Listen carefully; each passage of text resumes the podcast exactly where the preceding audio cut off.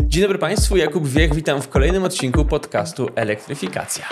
Na początek bardzo serdecznie dziękuję wszystkim moim patronkom oraz patronom, a zwłaszcza mecenasom, panu e, Norbertowi, panu Pysiowi, panu Filipowi Rębiałkowskiemu, panu doktorowi Michałowi Godlewskiemu, Górzny Grup oraz agencji marketingowej Nie na raz. To dzięki waszemu wsparciu elektryfikacja ukazuje się, jak widać, w coraz to nowych e, audiowizualnych formach. Serdecznie wam dziękuję. A wszystkim tym, którzy chcieliby dołączyć do tego grona, polecam mój profil na portalu Patronite. A dzisiaj, mili Państwo, porozmawiamy sobie o bardzo specyficznym rodzaju wykorzystania energii. Rozmawiamy sobie o broni jądrowej, bo to jest technologia, która również wykorzystuje energię w bardzo specyficzny sposób, jak wspomniałem. E, Warto tutaj już na początku rozgraniczyć, że ten temat będziemy omawiać w zupełnym oderwaniu od standardowych tematów e, cywilnej energetyki, jakie dominują w elektryfikacji. Chcę jasno powiedzieć na samym początku, że broń jądrowa nie ma teraz już nic wspólnego z energetyką jądrową. To są dwie różne e, dziedziny, natomiast zdecydowałem się nagrać e,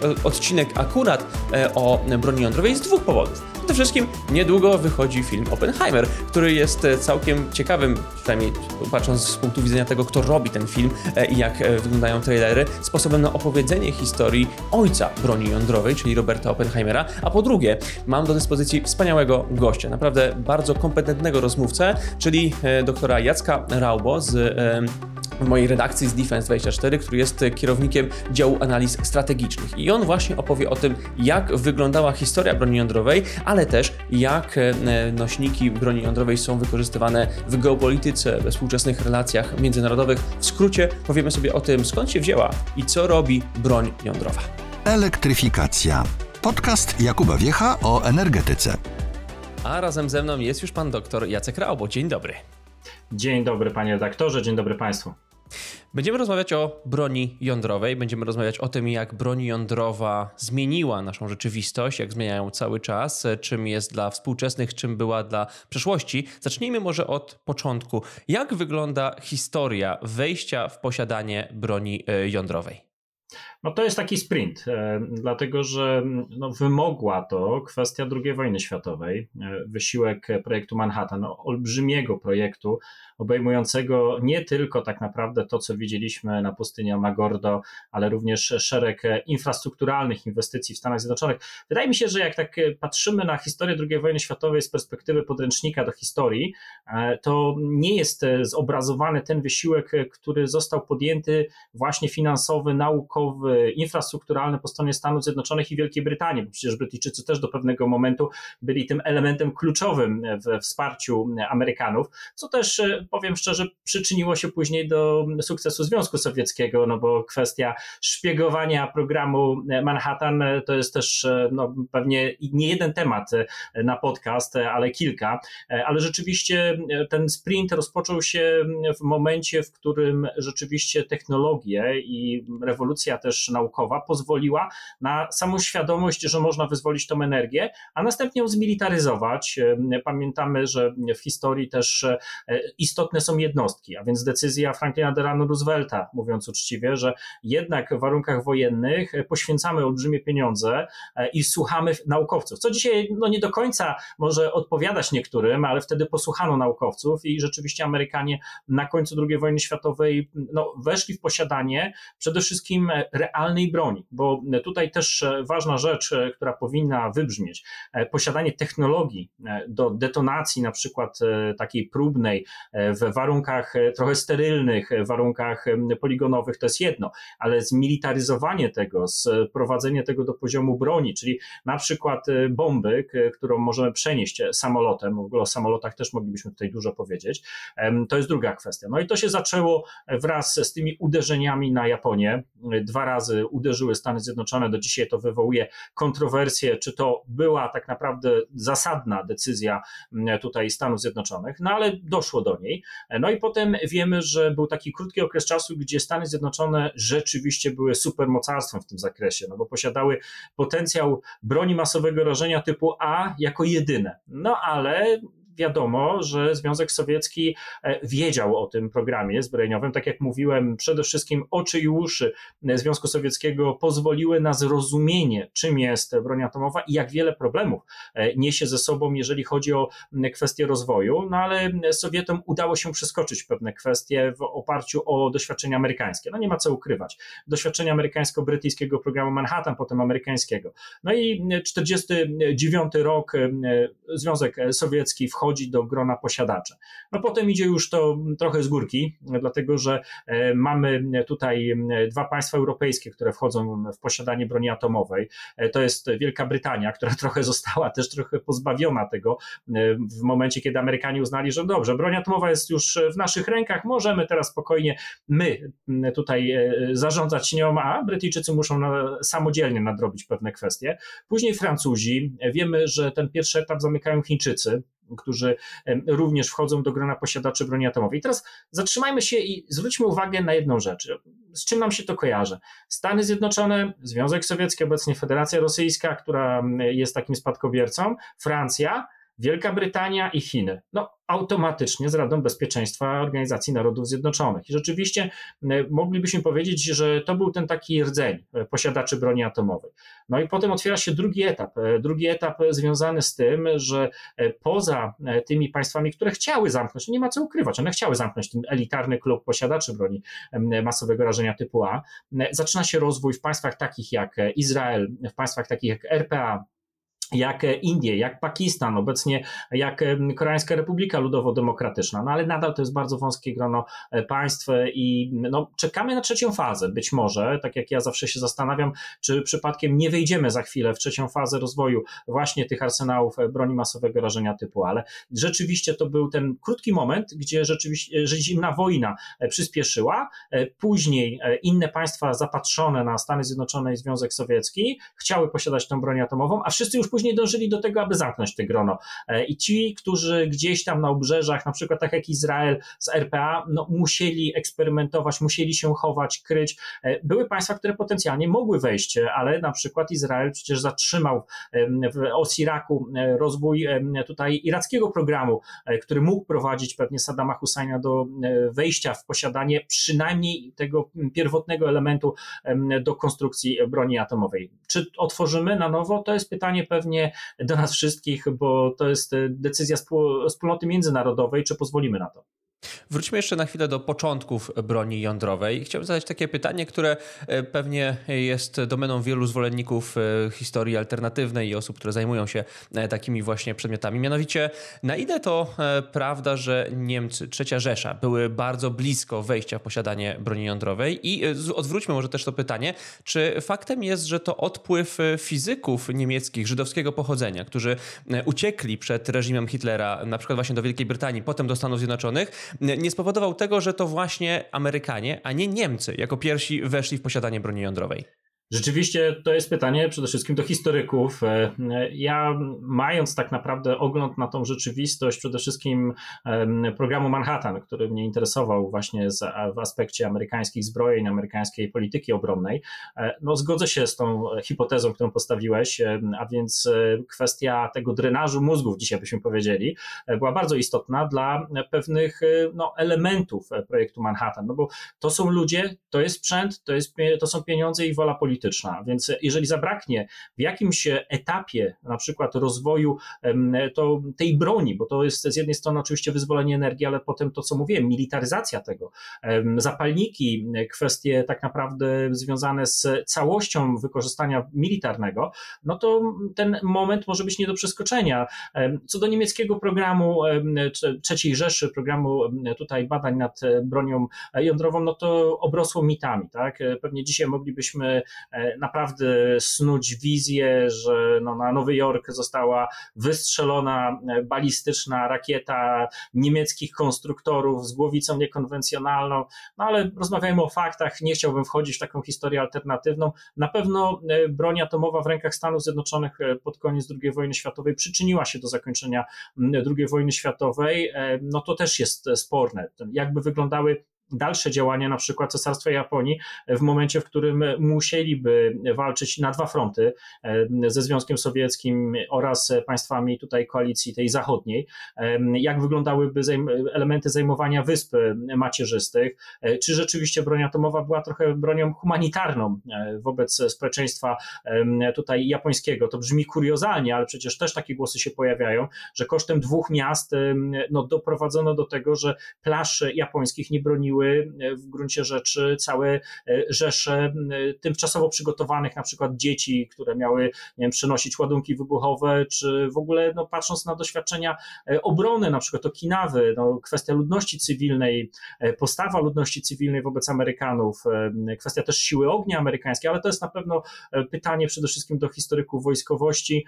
Niewątpliwie, no, gdyby trzecia Rzesza weszła w posiadanie broni atomowej, broni jądrowej, moim zdaniem wykorzystałaby to. W przeciwieństwie na przykład do broni chemicznej, którą miała najlepszą na świecie, co by nie mówić. A zauważmy, że w trakcie II wojny światowej bojowo tutaj, bo też jest spór, te najnowsze substancje chemiczne niemieckie nie zostały wykorzystane, między innymi nawet na tym kierunku wschodnim.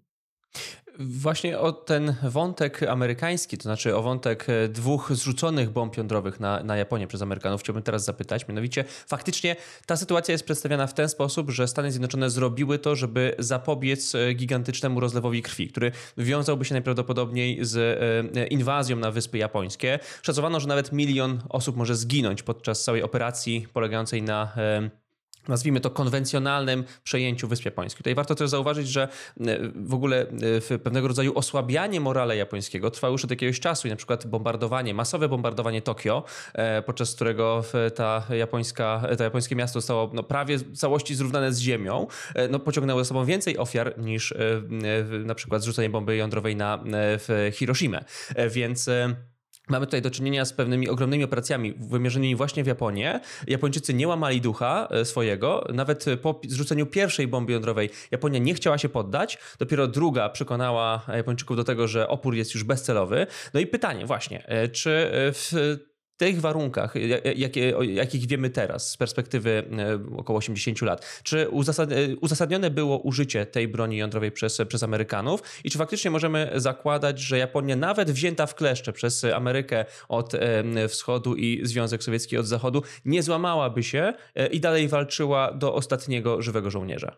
Cesarstwo Japonii było pokonane, bo było odizolowane od surowców, flota handlowa była wręcz wyeliminowana bardzo efektywną wojną podwodną, którą Amerykanie prowadzili. Dominacja w powietrzu Amerykanów była gigantyczna, e, jeżeli chodzi o bombardowania strategiczne, ale też e, na przykład później posiadanie baz dla myśliwców, które poprzez te bazy mogły operować nad właśnie terenem Wysp Macierzystych, więc prędzej czy później Japonia musiałaby ulec przewadze ilościowej, technologicznej, jakościowej, też siły ognia tych, którzy no, walczyli z cesarstwem Japonii. Dołączam tutaj oczywiście tą kwestię wejścia mm, Stalina do wojny. E, prędzej czy później by to nastąpiło, bo e, bardzo, no, jakby to powiedzieć, smakowite kąski leżały e, u wrót Związku Sowieckiego, no bo wiemy, że mm, przewaga tutaj sowieckiego wojska wobec armii japońskiej no, była gigantyczna w sprzęcie, w, w sile ognia, wyposażeniu, no, też w powietrzu, więc no, Stalin moim zdaniem prędzej czy później by się pokusił o to, niezależnie czy by była była broń atomowa, czy nie.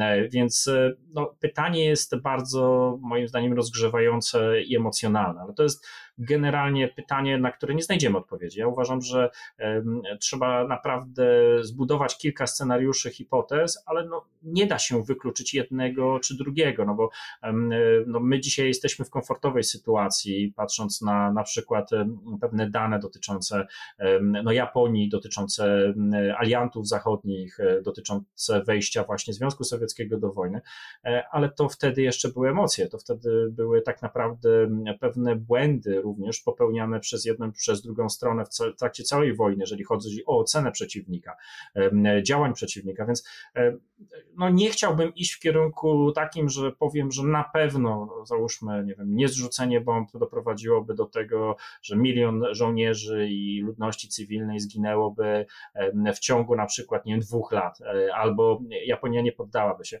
No, doszło do tego zrzucenia bomb atomowych i oby to były tylko dwie bomby atomowe, które wówczas zastosowano. To teraz otwórzmy historię zimnej wojny i tego, jak broń jądrowa była wtedy postrzegana, do czego służyła. Mamy e, w lata, koniec lat 40., początek lat 50., Sowieci e, bardzo szybko poszerzają swój arsenał jądrowy i e, nadchodzi tak zwany kryzys kubański, rok 62, konfrontacja USA i ZSRS w, zogniskowana na Kubie i właśnie na broni, która może skutecznie zagrozić Stanom Zjednoczonym. Chciałem zapytać, jak blisko blisko byliśmy wtedy globalnego konfliktu, być może jądrowego, e, i jaką tutaj rolę odegrały arsenały jądrowe obu stron? Ja bym się cofnął, e, panie doktorze, e, do wcześniejszych wydarzeń, dlatego że najważniejszym elementem definiującym broń atomową był ten krótki okres między 1945 a 1949, kiedy Amerykanie mogli się posługiwać jako narzędziem polityczno-wojskowym czyli mogli wymuszać na innych e, pewne działania. E, I zauważmy, że w momencie, w którym pojawia się drugi aktor, e, zaczynamy zastanawiać się, jak tą doktrynę na nowo zdefiniować. Wojskowi wówczas, no, bym powiedział, tak maksimum chcieli wyciągnąć z broni atomowej. Zauważmy, że prowadzono manewry z użyciem właśnie ładunków, które zrzucano na poligony, następnie jednostki wojskowe miały nacierać. Stosowano sprzęt, no, testowano naprawdę no, maksymalne scenariusze, łącznie z działaniami dużych grup wojsk. To się skończyło dla nich e, no, bardzo negatywnie, jeśli chodzi o kwestie zdrowotne, ale to dotyczyło zarówno Amerykanów, jak i Sowietów. E, tyle, że Amerykanie w pewnym sensie przeprosili i wypłacili odszkodowania tam, z tego co pamiętam, części żołnierzy. E, no, a w Związku Sowieckim, no to oczywiście wszystko zostało objęte tajemnicą i było do niemalże tak naprawdę upadku tego Związku Sowieckiego taką tajemnicą państwa. Ci ludzie cierpieli przez to, że no, nikt nie mógł im pomóc e, w odpowiedni sposób. E, więc te lata 50. to jest ucieranie doktryny, e, bo doktryna jest tu kluczowa. Samo posiadanie broni tutaj masowego rażenia, bo już nawet nie mówię tylko o jednej, ale tej ABC, tak, to jest w trakcie zimnej wojny jedna rzecz, ale druga to jest dostosowanie doktryny. I do tak naprawdę kryzysu kubańskiego wydaje się, że jak się obserwuje na przykład założenia doktrynalne, no to ta broń nie była niczym, niczym zdrożna. Nawet zakładano E, chociażby tutaj, że ona będzie e, zwiększała prawdopodobieństwo wygrania e, wojny konwencjonalnej, bo nie będziemy musieli używać na przykład, nie wiem, dużych grup wojsk. Zauważmy, jak Amerykanie byli przygotowani do wojny w Korei konwencjonalnie, a jednocześnie no, wszystko bazowało na odstraszaniu atomowym. No ale kryzys kubański to jest przede wszystkim otrzeźwienie nie w tym wymiarze wojskowym, bo on tam gdzieś do końca zimnej wojny będzie się przewijał, może w trochę osłabiony sposób, ale otrzeźwienie w wymiarze politycznym. Politycy zauważyli, że broń masowego rażenia, e, przede wszystkim e, ta A, o której mówimy dzisiaj, e, ona ma charakter no, defensywny, stabilizujący układ, ale jeżeli doprowadzimy do momentu, w którym powiemy sprawdzam, no to możemy naprawdę tego pożałować po obu stronach. Dlatego ustępstwa w przypadku kryzysu kubańskiego obejmowały obie strony tego tutaj incydentu, czy też tego kryzysu w wymiarze zimnej wojny, bo my mówimy o wycofywaniu się Sowietów Sowietów z Kuby. Tak? Ta Kennedy versus Chruszczow, e, wygrywa Kennedy, e, przegrywa Chruszczow. To tutaj oczywiście cała narosła ta narracja, dlaczego, jakie były tego powody, no, ale z drugiej strony Amerykanie też wycofują część zasobów swoich spod tak naprawdę tego miękkiego podbrzusza Związku Sowieckiego, e, jeśli chodzi o kwestie tureckie. A więc po prostu politycy i liderzy ówcześni w tych zantagonizowanych bardzo mocno blokach państw, e, z jednej strony komunistycznym, z drugiej zachodnim, zrozumieli, że broń atomowa będzie. Broń atomowa ma swoją rolę, ale broń atomowa jest też pewnym pewną gwarancją nieprzekraczalnych granic, które musimy wytyczyć. Stąd e, potrzeba komunikacji, zwiększenia świadomości sytuacyjnej po jednej i po drugiej stronie.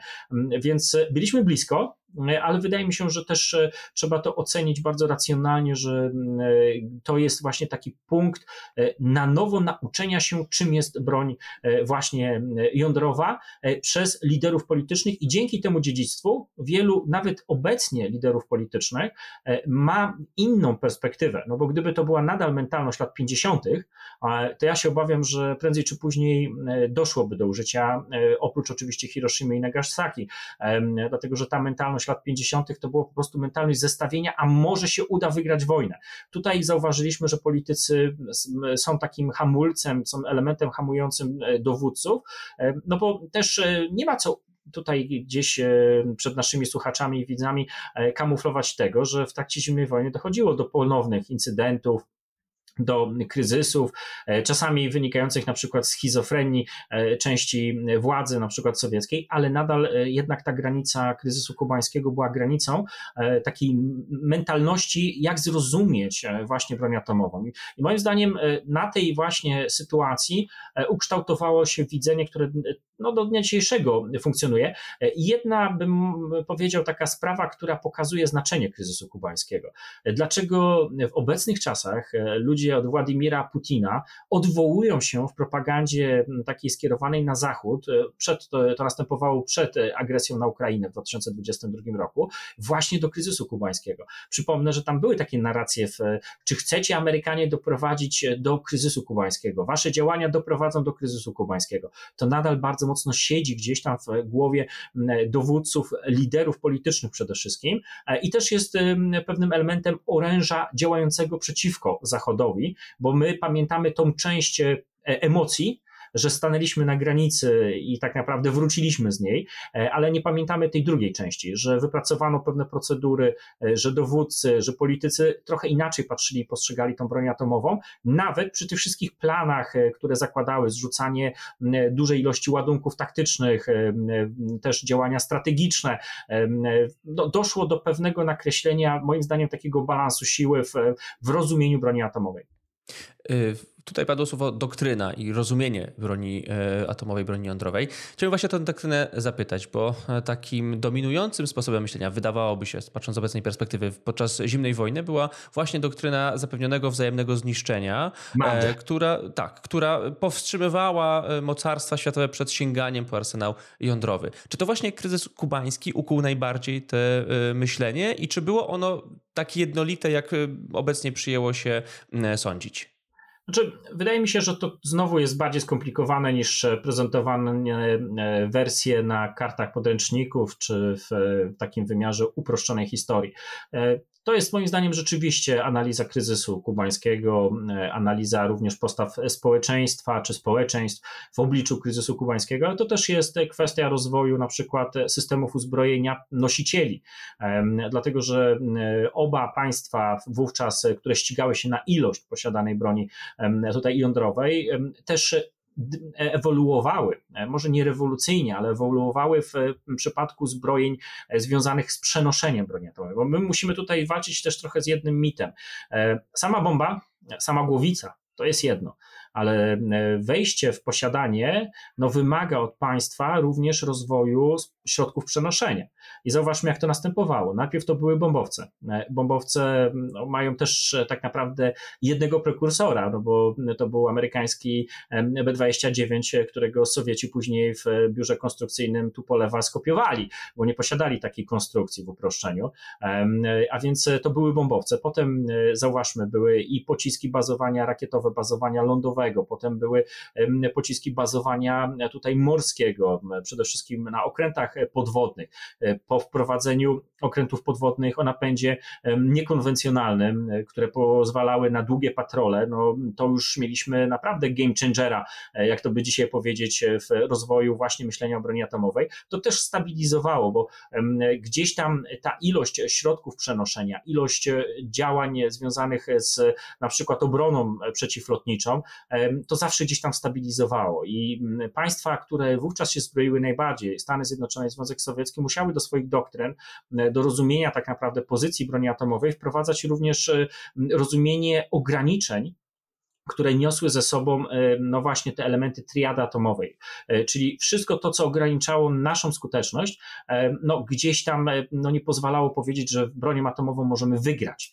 Bronią atomową możemy odstraszać, bronią atomową możemy doprowadzić do sytuacji, w której nie przegramy, ale nie wygramy. I wydaje mi się, że nawet te gry, które podejmował gdzieś tam sztab Związku Sowieckiego czy Układu Warszawskiego, no to był ten element oczywiście naturalnego przygotowywania się dowódców, ale ale w wymiarze mentalnym no, nie sądzę, żeby gdzieś tam przede wszystkim decydujący mieli taką wizję, że jesteśmy w stanie to wygrać. No, tutaj jeszcze też warto wspomnieć, że broń jądrowa była wykorzystywana tak można powiedzieć politycznie, bo na przykład prezydent Kennedy odzbudował wokół niej swoją kampanię prezydencką i mówił o luce pomiędzy... A później straszono.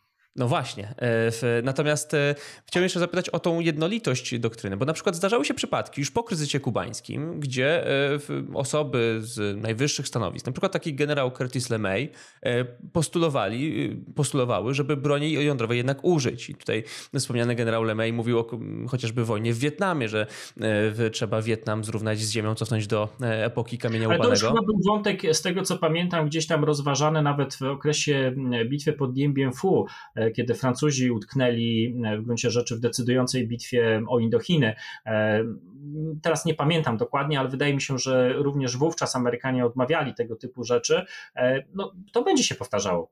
Zawsze się znajdą ludzie, którzy uznają, że broń, którą mamy, która jest ewidentnie elementem odstraszania, czy też elementem stabilizowania relacji, no, powinna być użyta w trochę innym, bardziej zaczepnym, ofensywnym wymiarze, ale wydaje mi się, że po to są systemy polityczne, procesy podejmowania decyzji, również e, łańcuchy dowodzenia wojsku, specjalnie dedykowane właśnie tej broni masowego rażenia, bo w trakcie zimnej wojny to jeszcze była broń masowego rażenia ABC, bo my teraz e, to uproszczamy to tylko do tutaj elementów e, tego elementu właśnie jądrowego, ale pamiętajmy, że to była jeszcze broń chemiczna i biologiczna, przecież arsenały do pewnego czasu Związku Sowieckiego i Stanów Zjednoczonych pękały od tutaj głowic niekonwencjonalnych z systemami chemicznymi, z E, elementami wojny tutaj biologicznej, tak?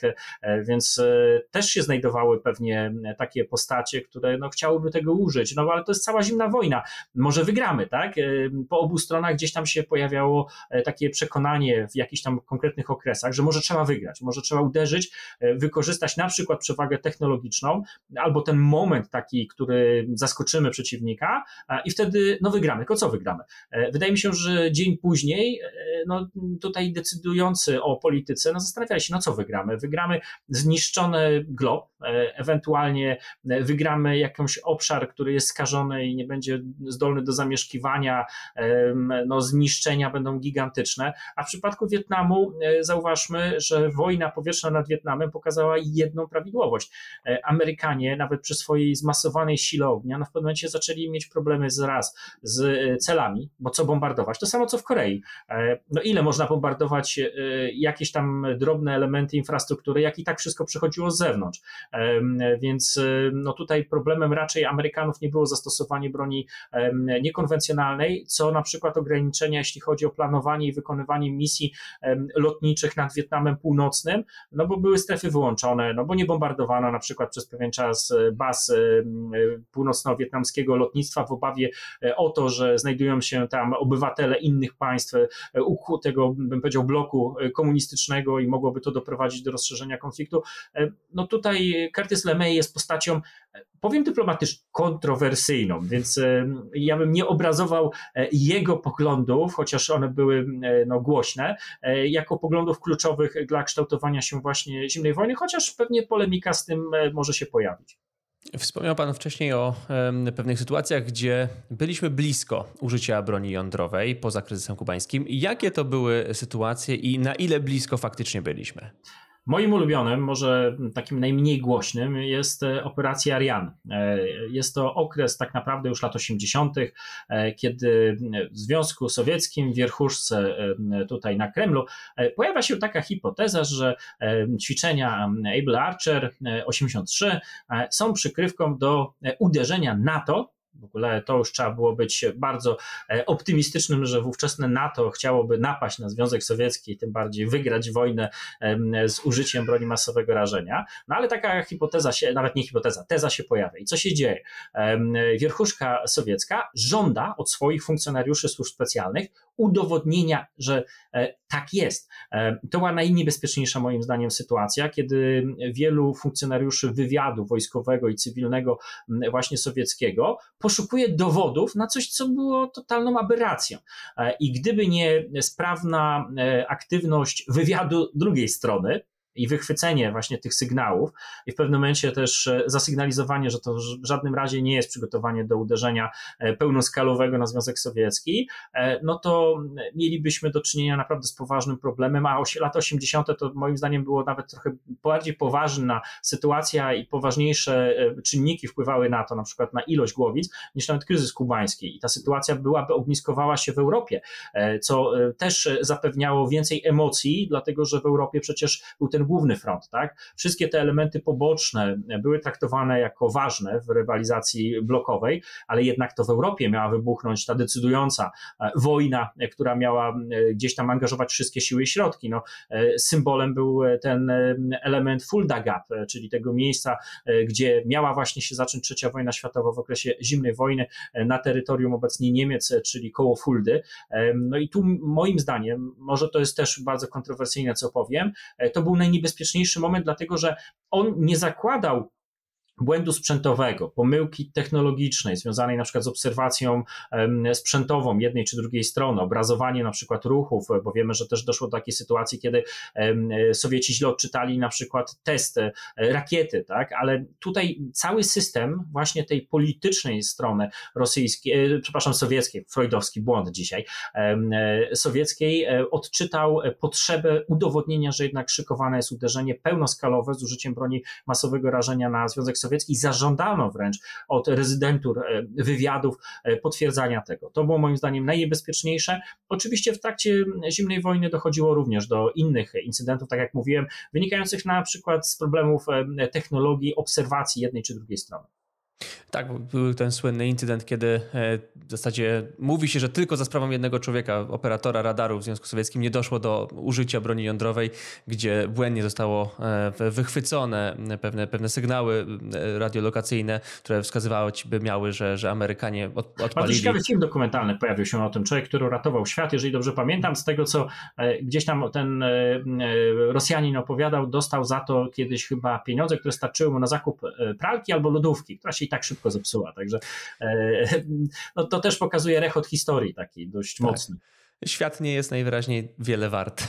Jest wart pralki albo lodówki, ale y, chciałbym jeszcze porozmawiać o pewnym y, procesie decyzyjnym. O procesie decyzyjnym, który jest potrzebny do użycia broni jądrowej. Mianowicie, jak wygląda podejmowanie takiej decyzji w, w tych kluczowych państwach dysponujących arsenałem jądrowym? Co musi zostać wykonane, żeby do użycia broni atomowej faktycznie doszło?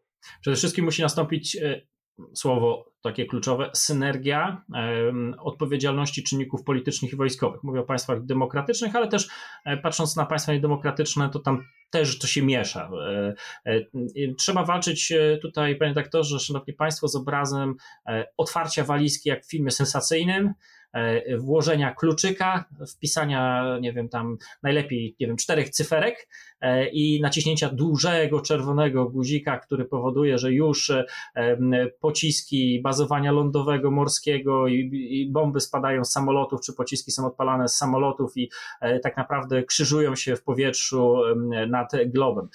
No jest to proces, tak jak tutaj pan redaktor bardzo celnie powiedział, to jest proces decyzyjny, zakładający, że rzeczywiście państwa, na przykład tak jak Stany Zjednoczone, scedowują dużą odpowiedzialność na głównodowodzącą, w przypadku Stanów Zjednoczonych Przypomnę, że Konstytucja Stanów Zjednoczonych pozycjonuje tu prezydenta Stanów Zjednoczonych, ale to jest też później element weryfikacji e, i analizy e, sytuacyjnej w odpowiedzi strategicznej e, najważniejszych dowódców i całego procesu, aż tak naprawdę do tych, którzy są wykonawcami tego uderzenia.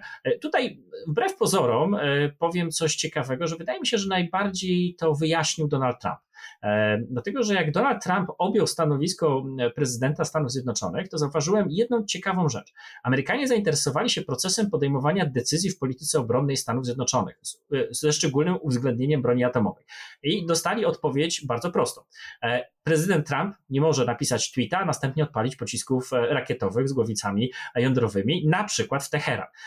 I to jest chyba największy urobek, jeżeli chodzi o prezydenturę Donalda Trumpa w przestrzeni rozumienia broni masowego rażenia, bo zauważyliśmy, że e, Donald Trump nie jest wszechwładny e, w tym procesie decyzyjnym, nawet jeżeli jest głównodowodzącym i nawet jeżeli jest pozycjonowany gdzieś tam e, w, no, w tym najwyższym procesie, jeżeli chodzi o stanowisko. No, gdzieś tam, gdzieś musimy musimy zauważyć, że to jest proces nieuproszczony.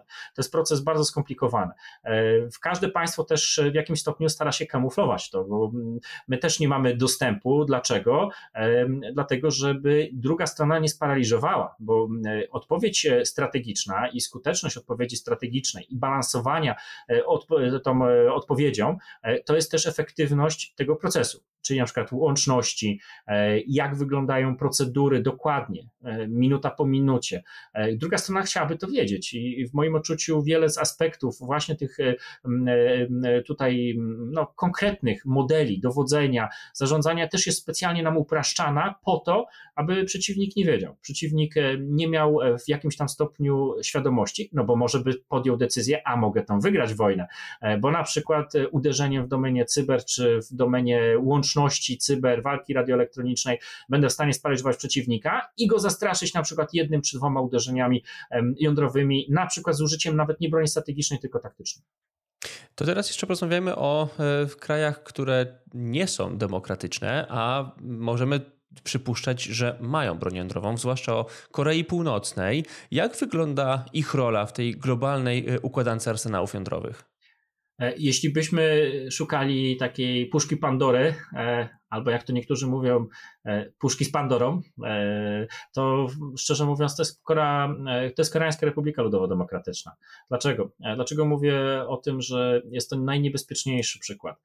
Mamy do czynienia z reżimem totalitarnym, który jest no, niestabilny, jeśli chodzi o jego postrzeganie na arenie międzynarodowej. I co musi robić? Musi prężyć muskuły. Dlatego sobie strzela od czasu do czasu rakietą, która przeleci mm, nad sąsiadami, dlatego przeprowadza bardzo mało transparentne manewry wojskowe, dlatego potrafił na przykład nie wysłać komandosów e, do sąsiada, żeby próbowali szturmować e, pałac prezydencki. No i wpisuje się to w słabość państwa. E, no bo militarnie, jeżeli byśmy spojrzeli na dzisiejsze siły konwencjonalne Koreańskiej Republiki Ludowo-Demokratycznej, no to jest poziom naprawdę trzeciego świata. No wiadomo, nawet już możemy się śmiać z tych tych filmów propagandowych, gdzie e, samoloty, no, pamiętające naprawdę głęboką zimną wojnę, no niby są e, pozycjonowane jako kluczowa odpowiedź e, Koreańskiej Republiki Ludowo-Demokratycznej. A z drugiej strony właśnie to, ta słabość pokazała, że szukają alternatyw. Tymi alternatywami w przypadku Pjongjangu jest właśnie posiadanie broni masowego rażenia i tutaj jest spór, czy A, ale czy też B i C, e, bo o tym trzeba pamiętać i eksperci pewnie od północnej Korei, eksperci wywiadu no, tutaj mają bardzo zróżnicowane opinie. E, ja jestem zdania, że no, najprawdopodobniej również wymiar cały broni masowego rażenia północna Korea posiada, czyli Koreańska Republika Ludowo-Demokratyczna, ale to jest moja tylko ocena sytuacji. Z drugiej strony to jest działanie w domenie cyber, bardzo mocne e, i to jest o tyle niebezpieczne, że Korea musi krzyczeć. Korea musi wołać, że jest i że ta północna i że jest silna i to gdzieś tam agreguje również e, trochę nieracjonalne być może podejście do broni masowego rażenia typu A, czyli broni, która jest pozycjonowaniem się na arenie międzynarodowej. No bo to jest moim zdaniem w przypadku Północnej Korei kluczowa rola, że e, wszyscy dostrzegą Pjongjang, nawet jeżeli tam będą jedli piasek i e, nie mieli elektryczności w większości miast, no ale jednak dostrzeżemy ten Półwysep Koreański, tą część północną, która e, gdzieś tam e, spowijają no tutaj braki wszystkiego, bo mają broń atomową, bo mają bombę, bo mogą ją przenieść, bo mają głowicę, którą potencjalnie osadzą na przykład na systemach rakietowych. No to jest ten trzeci element, te systemy rakietowe, które są priorytetem właśnie dla władz Pjongjangu. A ile jest jeszcze takich państw jak Korea Północna, która, e, które e, prawdopodobnie posiadają broń jądrową e, i które chcą za jej pomocą się tak pozycjonować na arenie międzynarodowej? No, moim zdaniem, tak jak powiedziałem, Północna Korea otwiera pewne niebezpieczeństwa związane z bronią masowego rażenia, bo pokazała jedną rzecz, że nawet biedni mogą wejść w posiadanie bardzo drogiej broni, no bo sądzę, że jak sobie porozmawiamy tutaj o tej technologii cywilnej, to ta technologia cywilna e, związana z energetyką jest też droga. E, to nie jest, e, no nie wiem, rzecz, którą tak łatwo pozyskać.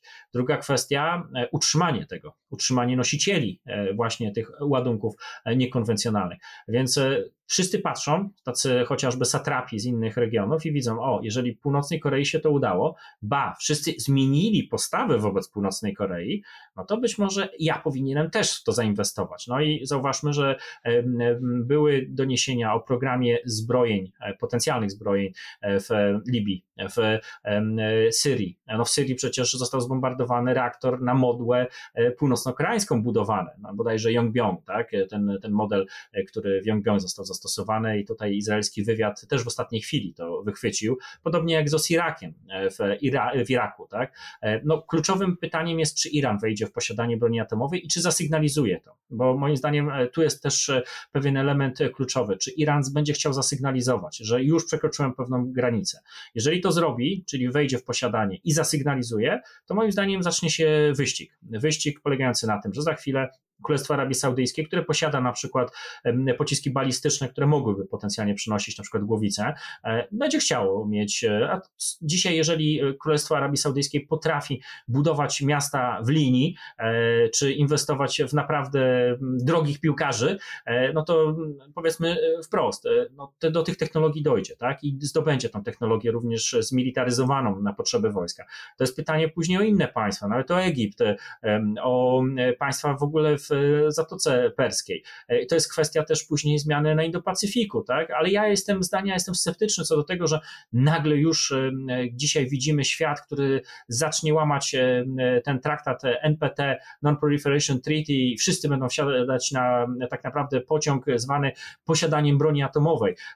No, ja jestem bardzo sceptyczny, dlatego że to buduje taką emocję i ona w Polsce też w pewnym momencie się pojawiła, że być może Polska powinna rozpocząć własny program zbrojny atomowych. Może ukryjmy się gdzieś tam e, w Bieszczadach, ponownie wykopmy jakąś dziurę i e, wbrew e, woli NATO i naszych partnerów zacznijmy testy, bo broń atomowa, jedna bomba, czy załóżmy kilka głowic pozwoli nam na pozycjonowanie się w innym wymiarze. Jesteśmy państwem niedemokratycznym, jesteśmy Koreą Północną, która potrzebuje tej atencji i wydaje mi się, że to u nas jest w ogóle aberracja, ale no jest takie zagrożenie. No, nie ma co ukrywać, no nie będziemy tutaj oszukiwać naszych słuchaczy, że tego typu posiadanie przez kolejne państwo będzie generowało, że inne państwa, z którymi na przykład rywalizuje, no, będzie starało się, czy będą starały się e, zdobyć te technologie. Czy one zdobędą te technologie, to jest inne pytanie, ale przypomnijmy kazus Pakistanu, tak? E, w Pakistanie przecież też sugerowano, że e, społeczeństwo będzie robiło wszystko, będzie pełne poświęceń, ale zdobędzie tą broń atomową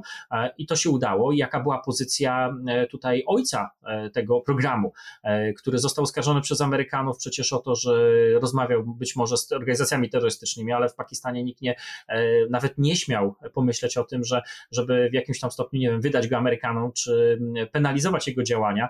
Zastosowano ten model, jeżeli dobrze pamiętam, aresztu domowego, ale to też było bardzo niebezpieczne. To było balansowanie na granicy wręcz e, takiego no, puczów w Pakistanie, jeżeli chodzi o tutaj pozycję Kana, tak, doktora Kana.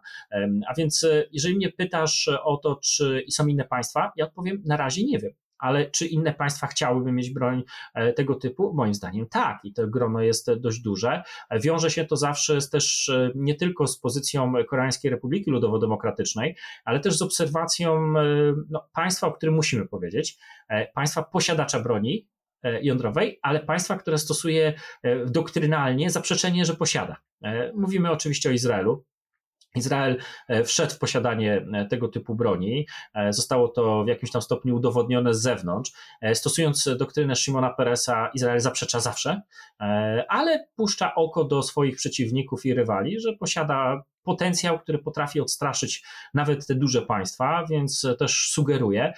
No i tutaj taka moim zdaniem synergia e, tych dwóch e, przykładów, że z jednej strony olbrzymia pozycja odstraszania e, strony izraelskiej, izraelskich sił obronnych, a z drugiej strony też ta łatwość, jednak wbrew pozorom łatwość Koreańskiej Republiki Ludowo-Demokratycznej gdzieś ukryty sposób rozprowadzenia tego programu. Ale ja zdaję sobie z tego sprawę, że tak jak na przykład Koreańska Republika Ludowo-Demokratyczna też leżała w innych warunkach no bo leżała tam, gdzie leży e, Półwysep Koreański, e, była e, tak naprawdę ta granica, najbardziej, jedna z najbardziej zmilitaryzowanych granic, ale wpływ na Koreańską Republikę Ludowo-Demokratyczną był o wiele mniejszy niż na przykład na Iran. No w Iranie przecież wybuchają samochody, bycie naukowcem odpowiedzialnym za energetykę atomową i w ogóle za rozwój tych badań w Iranie to sport ekstremalny, no bo bardzo często w ruchu komunikacji miejskiej może podjechać ktoś na motocyklu i podczepić ładunek wybuchowy albo strzelić z 9 mm, czy nawet zaatakowani zostali ludzie, którzy byli chronieni.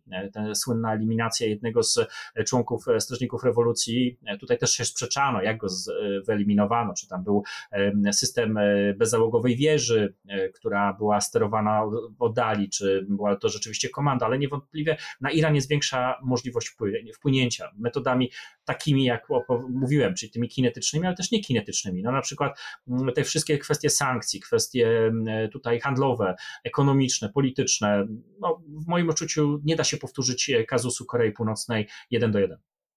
To jeszcze porozmawiamy właśnie o tych organizacjach pozapaństwowych, które mogłyby wejść w posiadanie takiej broni. Padli tutaj terroryści. E, e, być może tutaj trzeba też myśleć szerzej o takich powiedzmy nowotworach, jak jakieś państwo islamskie, e, czy takie quasi państwa, które obrastają gdzieś na, w terytoriach, które są, gdzie normalne państwa utraciły możliwość wpływu. I pytanie brzmi, czy powinniśmy się obawiać, że tego typu podmioty wejdą w posiadanie broni jądrowej? Czy może raczej ze względu na niedostatek chociażby jej nosicieli, nie będą one w stanie wykorzystać szeroko jej potencjału? Ja bym się obawiał bardziej elementów e, tak zwanej brudnej bomby, e, która jest często mylona e, z bronią masowego rażenia typu A dlatego że ona nie wywołuje eksplozji, która generuje energię, promieniowanie i tak naprawdę falę, e, która też jest kluczowa w detonacji, e, ale pozwala skazić jakiś obszar, a przede wszystkim wywołać psychozę. E, I tego się boję, jeżeli chodzi o podmioty niepaństwowe, dlatego że wbrew pozorom lata 90. nauczyły nas wiele, jeżeli chodzi o proliferację i zagrożenie proliferacją broni masowego rażenia typu A, dlatego że w latach 90. nawet James Bond ścigał ścigał e, zagubione głowice.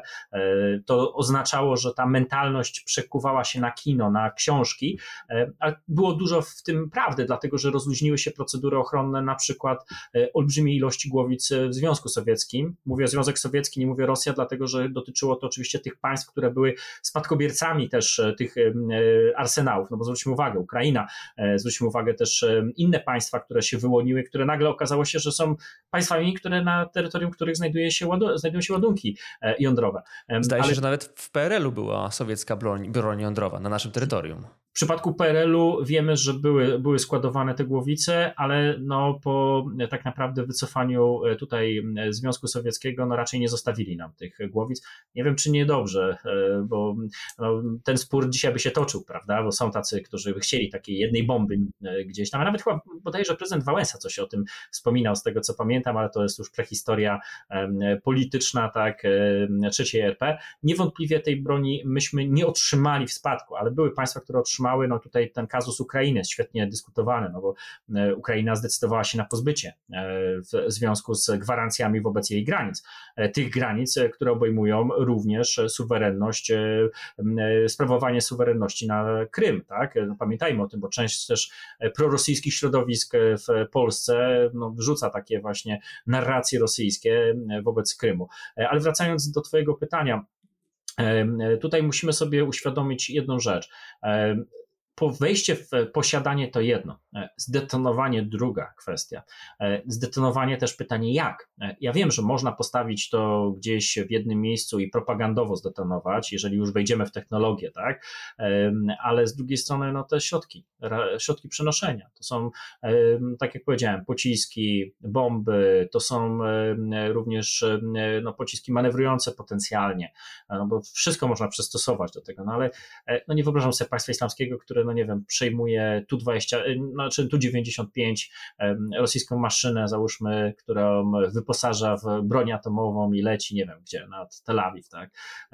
No nie da się, bo no, druga strona szybko to wychwyci, więc ja bym się tego aż tak nie obawiał. W latach 90. rzeczywiście była pewna e, paranoja związana z tym, że terroryści, bomby walizkowe, to nawet w kongresie się przejawiało specjalnymi przesłuchaniami przed kongresem. No ja pamiętam te zdjęcia, gdzie e, przynoszono model modele nawet do kongresu pokazywano. No, wiele z tych rzeczy okazały się tak naprawdę pewnym humbukiem. No, bądźmy ostrożniejsi właśnie w tych narracjach. Wydaje mi się, że terroryści dzisiaj idą raczej w low budget działania, czyli te, które obniżają koszty funkcjonowania. No bo jak się spojrzy na przykład na ostatni zamach terrorystyczny w Tel Awiwie, no to, to był taki typowy schemat działania terrorysty. Biorę samochód od swojego pracodawcy, wykorzystuję go do taranowania, następnie biegam z nożem i rażę ludzi, tak, bronią białą, jak e, gdzieś tam w, no, u zarania wojen i działań tak naprawdę zbrojnych. Więc e, broń atomowa i terroryzm, ja wiem, że ten scenariusz megaterroryzmu, bo on często był bardzo popularny, książki powstawały o tym, wiele osób napisało o tym artykuły naukowe. Megaterroryzm, terroryści przejmują posiadanie broni atomowej i wykorzystują ją.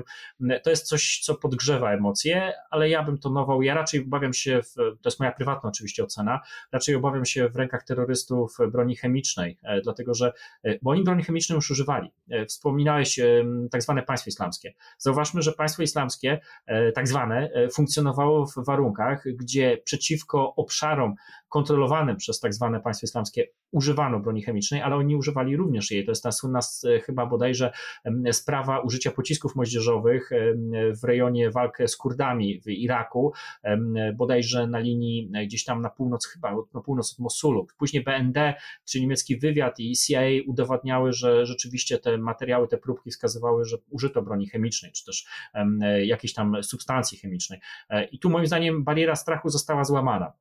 Wydaje mi się, że drugim etapem bariery strachu no to była broń biologiczna, tak? też e, o wiele łatwiejsza, mogąca wywołać e, tańszy, w sposób e, tańszy większe konsekwencje.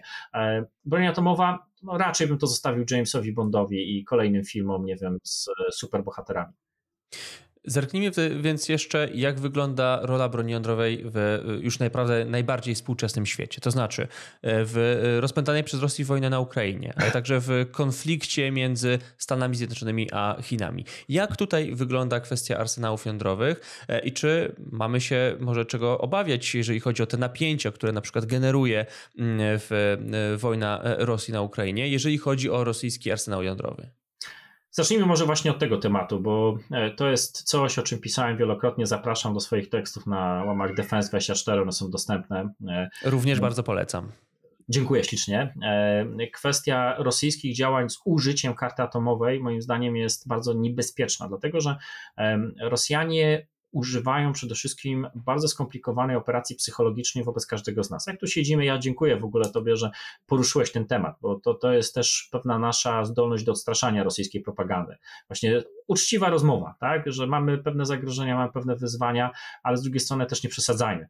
E, I rzeczywiście Rosjanie próbują wywołać pewną e, wręcz panikę u nas. E, od początku ja się śmieję, że nie ma dnia w rosyjskiej propagandzie, to jest chyba jakieś święto w rosyjskiej propagandzie, żeby nie straszyli, że jakieś miasto wyparuje po uderzeniach atomowych rosyjskich oraz gdzieś tam manewrach. Na samym początku to oni już w ogóle przesadzali, no bo przesuwali na przykład pociski bazowania lądowego, robili manewry, no słynne manewry Łukaszenka, Putin, którzy oglądają jak e, tutaj pociski balistyczne startują, no to jest taka trochę takie show. E, tyle, że dlaczego to jest niebezpieczne? Dlatego, że z jednej strony może być podatność po naszej stronie, bo my po w latach 90. nauczyliśmy się trzech rzeczy. Rozbrojenie, E, obawa przed e, proliferacją i to, co mówiłeś, e, czyli kwestia terroryści wejdą w posiadanie broni atomowej. Broń atomowa jest no, już nieefektywna, musimy to ograniczyć. No i Rosjanie to wykorzystują świetnie, próbując tak naprawdę gdzieś tam wymacać taki moment krytyczny w naszej dyskusji o tym że doprowadzenie do stanu apokalipsy jest blisko, czyli ergo musimy porozumieć się z kim? Z Federacją Rosyjską. E, oczywiście zyskuje na tym pozycja Kremla, pozycja tak naprawdę Władimira Putina, e, czyli ta psychoza. Z tą psychozą musimy w jakimś tam stopniu się zmierzyć, e, na nowo nauczyć się, czym jest broń atomowa, że procedury są skomplikowane, że to nie jest tak, że wiem, prezydent Stanów Zjednoczonych e, zje hamburgera, wypije kole i e, odpali e, głowicę, bo nie wiem, ma zły dzień. Z drugiej strony, że nawet dzisiaj tak niestabilne państwo jak Federacja Rosyjska, no to nie jest tak, że Wagnerowcy sobie wjadą, wezmą głowicę i staną się posiadaczami broni masowego rażenia. Też to nie jest tak proste i łatwe, bo są pewne zabezpieczenia również w bazach. Chodzi o tak naprawdę zabezpieczenie baz ale też e, systemów obsługi, na przykład uzbrojenia. No i to musimy powiedzieć wprost naszym słuchaczom, że to nie jest e, tak uproszczona wizja, jaką Rosjanie próbują nam gdzieś tam włożyć do głów, a robią to bardzo systematycznie. Nie działa, ale to idzie dalej. Dlatego też na przykład odwoływanie się do kryzysu kubańskiego, odwoływanie się do kwestii III wojny światowej, zagrożenia właśnie pokoju światowego, globalnego. Jaka jest nasza reakcja, jaka powinna być? Moim zdaniem idealnie to zrobił przedstawiciel Francji, były minister francuski, który powiedział, że Rosja powinna pamiętać, że nie jest jedyna. I koniec. Kropka. I to jest właśnie zasada działania broni atomowej. Państwa, które ją posiadają i które roztaczają parasol atomowy, również w ramach NATO, sygnalizują, że e, w gruncie rzeczy odpowiedzią na zagrożenie atomowe, odstraszanie atomowe jest odstraszanie atomowe. I sprawne, tak? Czyli na przykład patrole e, samolotów zdolnych do przenoszenia takich ładunków, podkreślam, zdolnych do przenoszenia, a nie przynoszących. To są również e, nowe, e, chociażby poligonowe testy, czy testy systemów przenoszenia, bo nie testujemy samych głowic, tak? To pamiętajmy o tym.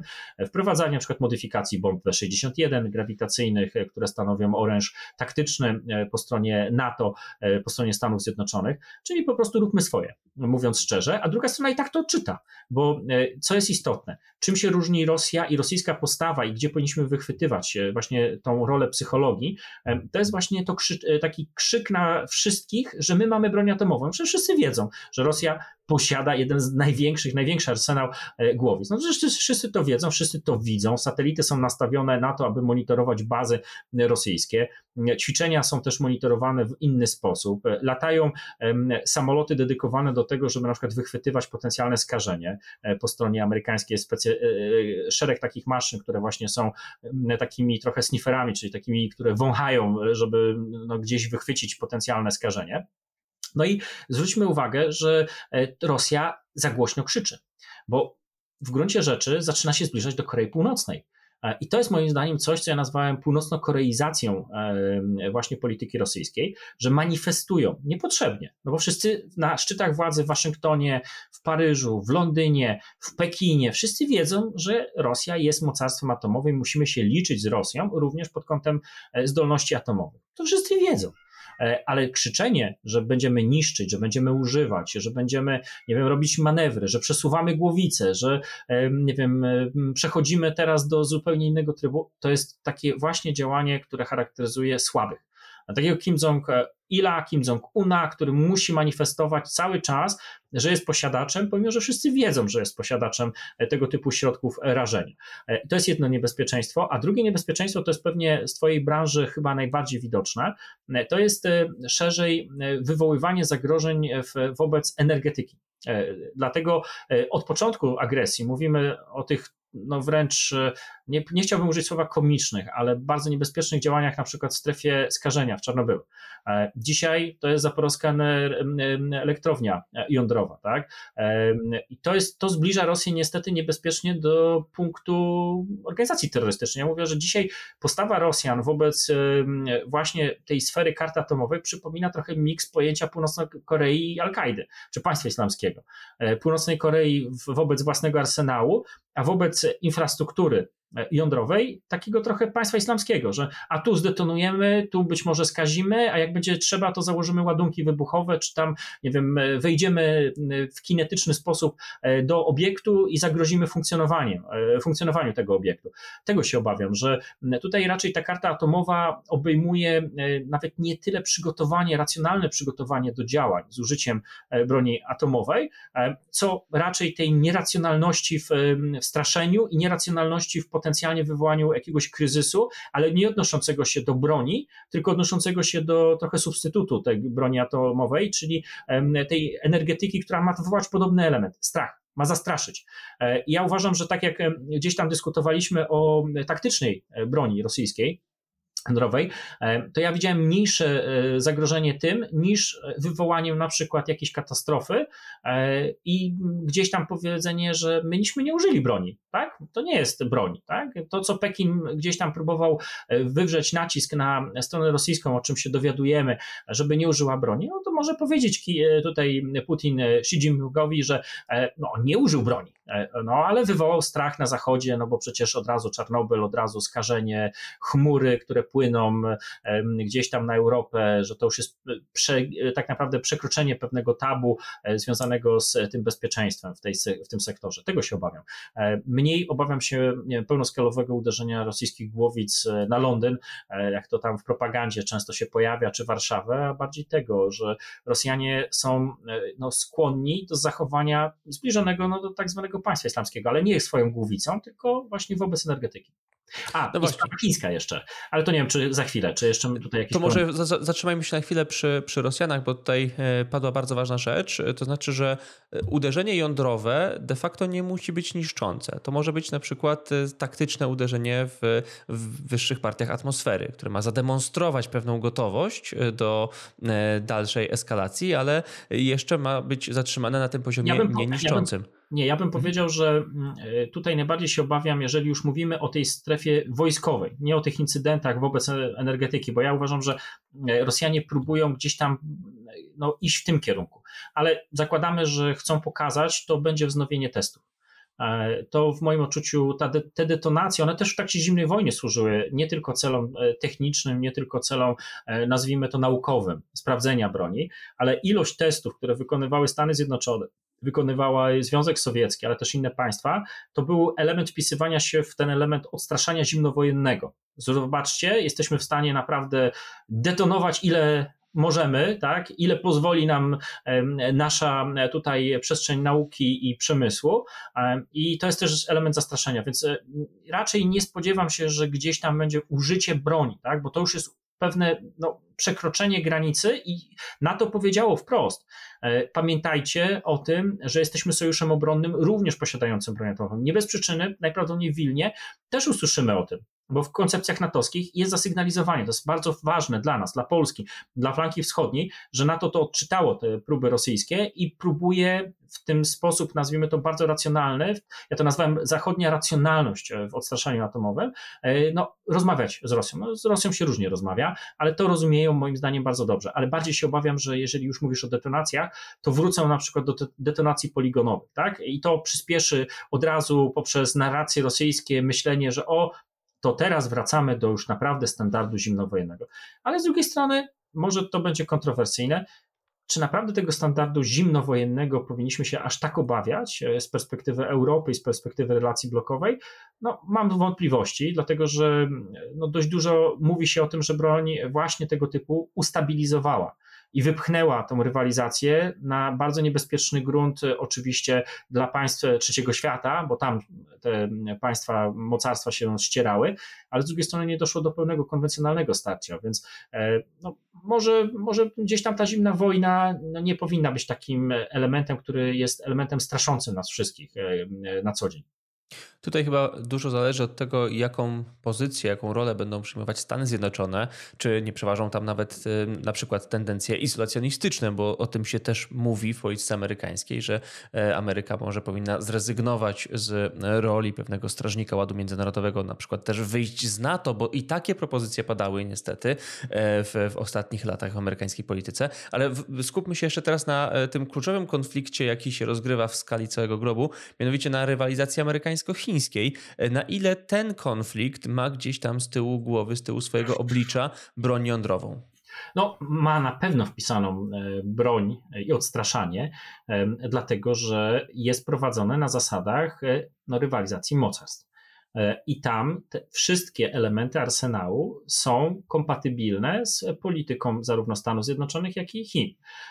Amerykanie chcą mieć kompetencje uzyskania pewnej przewagi pierwszego uderzenia, czy też uderzenia w odpowiedzi, e, a z drugiej strony Chiny też chcą zniwelować pewną przewagę amerykańską. E, na różny, w różny sposób. E, no rozwijając triadę atomową, rozwijając na przykład też infrastrukturę. Całkiem niedawno rozmawiano w przestrzeni międzynarodowej o wzroście ilości silosów, których potencjalnie Chińczycy mogą no, tutaj dyslokować pociski z głowicami niekonwencjonalnymi. Z jednej strony może być to oczywiście taki, taki wabik, gdzie druga strona nie wie do końca, który silo zniszczyć, albo też druga strona ma problemy z oceną właśnie posiadania chociażby ilości głowic czy ilości środków przenoszenia, ale to jest o wiele bardziej stabilne moim zdaniem niż to, co robi Rosja. Dlatego, że jeżeli szukamy gdzieś rzeczywiście standardu zimnowojennego, zrozumienia broni jądrowej, zrozumienia doktryny użycia broni jądrowej, no to jest właśnie region Indo-Pacyfiku. Moim zdaniem tu niebezpieczeństwo jest o wiele mniejsze. Oba państwa będą się ścigały w tym, no to akurat moim zdaniem niezłe, e, jeżeli chodzi o wyścig zbrojeń, bo zawsze gdzieś tam stawiało się w latach 90., ja sam pamiętam książki, wyścig zbrojeń, e, groźba wojny atomowej, e, problem w ogóle wyzbycia się broni atomowej. No to były takie dogmaty, które gdzieś tam się pojawiały w książkach do stosunków międzynarodowych. Wielu profesorów o tym mówiło, no bo żyli w przekonaniu, że ta wojna, zimna wojna, to się zakończyła, musimy odciąć się zupełnie. To było bardzo niebezpieczne przede wszystkim moim zdaniem dla Zachodu, bo Zachód w jakimś tam stopniu dzisiaj mówimy, no ma ten problem tak mentalny, który jest wykorzystywany przez drugą stronę, ale w Indo-Pacyfiku moim zdaniem to nie istnieje. I jedni i drudzy rozumieją, że będą musieli się zbroić w triadzie atomowej, czyli tak naprawdę w środkach przenoszenia. Chiny rozumieją, że jeżeli chcą wejść na poziom Stanów Zjednoczonych, muszą już nie tylko posiadać broń atomową jako element pozycjonowania mocarstwa, ale też muszą zwiększyć na przykład ilość e, okrętów podwodnych, nosicieli tego typu systemów, e, zasięg e, pocisków balistycznych, efektywność bombowców strategicznych nowego typu, tak, no bo te samoloty H6 nie, nie możemy uznać za samoloty, które gdzieś tam wprowadzają Chiny do grona, do czołówki, tak, nawet w stosunku do strony rosyjskiej. Więc tutaj akurat z jednej strony muszę być szczery, tak, no nie spodziewam się jakiegoś deeskalowania w tym zakresie, zakresie. Proces zbrojeń po jednej i drugiej stronie będzie e, będzie generował bardzo duże ilości obciążeń finansowych po jednej i po drugiej stronie. E, też będzie stymulował zmiany technologiczne, bo być może za chwilę nosiciele no, gdzieś tam uzyskają na przykład te zdolności hipersoniczne, e, jeżeli chodzi o przełamywanie na przykład obrony przeciwrakietowej przeciwnika ale to jest e, moim zdaniem robione według standardu, który jest dobry, rozpoznany. E, no nie wiem, czy jest e, ideologicznie, oczywiście pewnie zostanę skrytykowany, że to jest zagrożenie dla całego globu, dla świata, dla przyszłości cywilizacji, ale tak pragmatycznie mówiąc, wydaje mi się, że oni są, te dwa państwa są bardziej sformatowane do zrozumienia znaczenia właśnie straszenia, chociaż to straszenie też może mieć różne wizje i wersje. No, profesor Krenning z Atlantic Council opisywał to w swojej książce, że my też w uproszczeniu, to trochę dokonaliśmy takiego uproszczenia, że ta koncepcja mat, tak, że się wzajemnie zniszczymy, ale to też są różne wymiary posiadania właśnie zdolności odstraszenia e, jądrowego, atomowego. Bardzo dziękuję. E, tutaj chyba przebija się taka konkluzja na koniec, że najważniejsza przy posiadaniu broni jądrowej jest pewna przewidywalność i obracanie się w pewnych ramach, o których wiemy, które mamy rozpoznane e, i e, których nie będziemy przekraczać, tak jak teraz chyba trochę przekracza je powoli Rosja. Bardzo dziękuję. Jest wtedy, kiedy ktoś próbuje manifestować i krzyczeć. Jeżeli ktoś krzyczy na prawo i lewo, że posiada broń i chce ją użyć, no to jest rzeczywiście niebezpieczeństwo, bo to wymyka się z tych standardów. Dlatego musimy, i to może taki mój mały apel, e, bo wiem, że jesteś bardzo dobrze rozpoznawalny w tej przestrzeni, e, słuchać, jeżeli się nawet Państwo ze mną nie zgadzają e, co do pewnych ocen, ja jestem otwarty oczywiście na tą dyskusję, ale jeżeli się nawet nie zgadzacie, to Szanowni Państwo, odczytujcie trochę tą narrację rosyjską, która próbuje nas przestraszyć, że broń może od razu doprowadzić do konfrontacji. Nie. Broń może doprowadzić do pewnej stabilizacji. Rosjanie to rozumieją. I to zostało im zamanifestowane w wymiarze praktycznym. Więc do czego się odwołują? Do naszej psychiki. Nie dajmy sobie narzucić rosyjskiej narracji w dyskusji o broni atomowej, dlatego no, naprawdę szapoba, że, że prowadzisz tutaj tą dyskusję i bardzo Ci dziękuję, że ten temat poruszyłeś i że mogliśmy no, już naprawdę długo rozmawiać o tym. To ja dziękuję. Bardzo dziękuję za wszystkie e, konkluzje, obserwacje e, i e, cenną wiedzę, która została tutaj zaprezentowana. Moim gościem był pan dr Jacek Raubo, szef działu analiz strategicznych Defense24, którego teksty na tym portalu, ale też na innych portalach grupy Defense serdecznie polecam. Bardzo, bardzo dziękuję. Dziękuję ślicznie.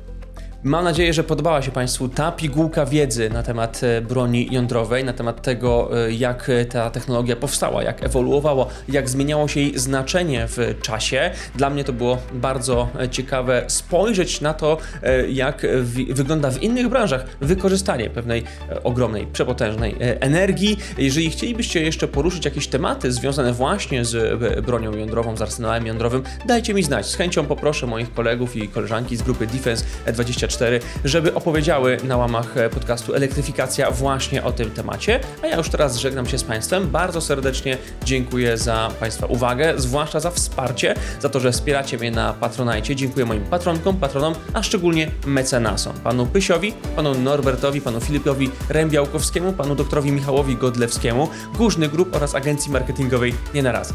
Dziękuję, że jesteście ze mną, moi wy medyceusze. Jeżeli ktoś chciałby dołączyć do tego grona, zapraszam na Patronite'a, a ja już teraz kłaniam się nisko i do usłyszenia w kolejnej elektryfikacji. To była Elektryfikacja. Podcast Jakuba Wiecha o energetyce.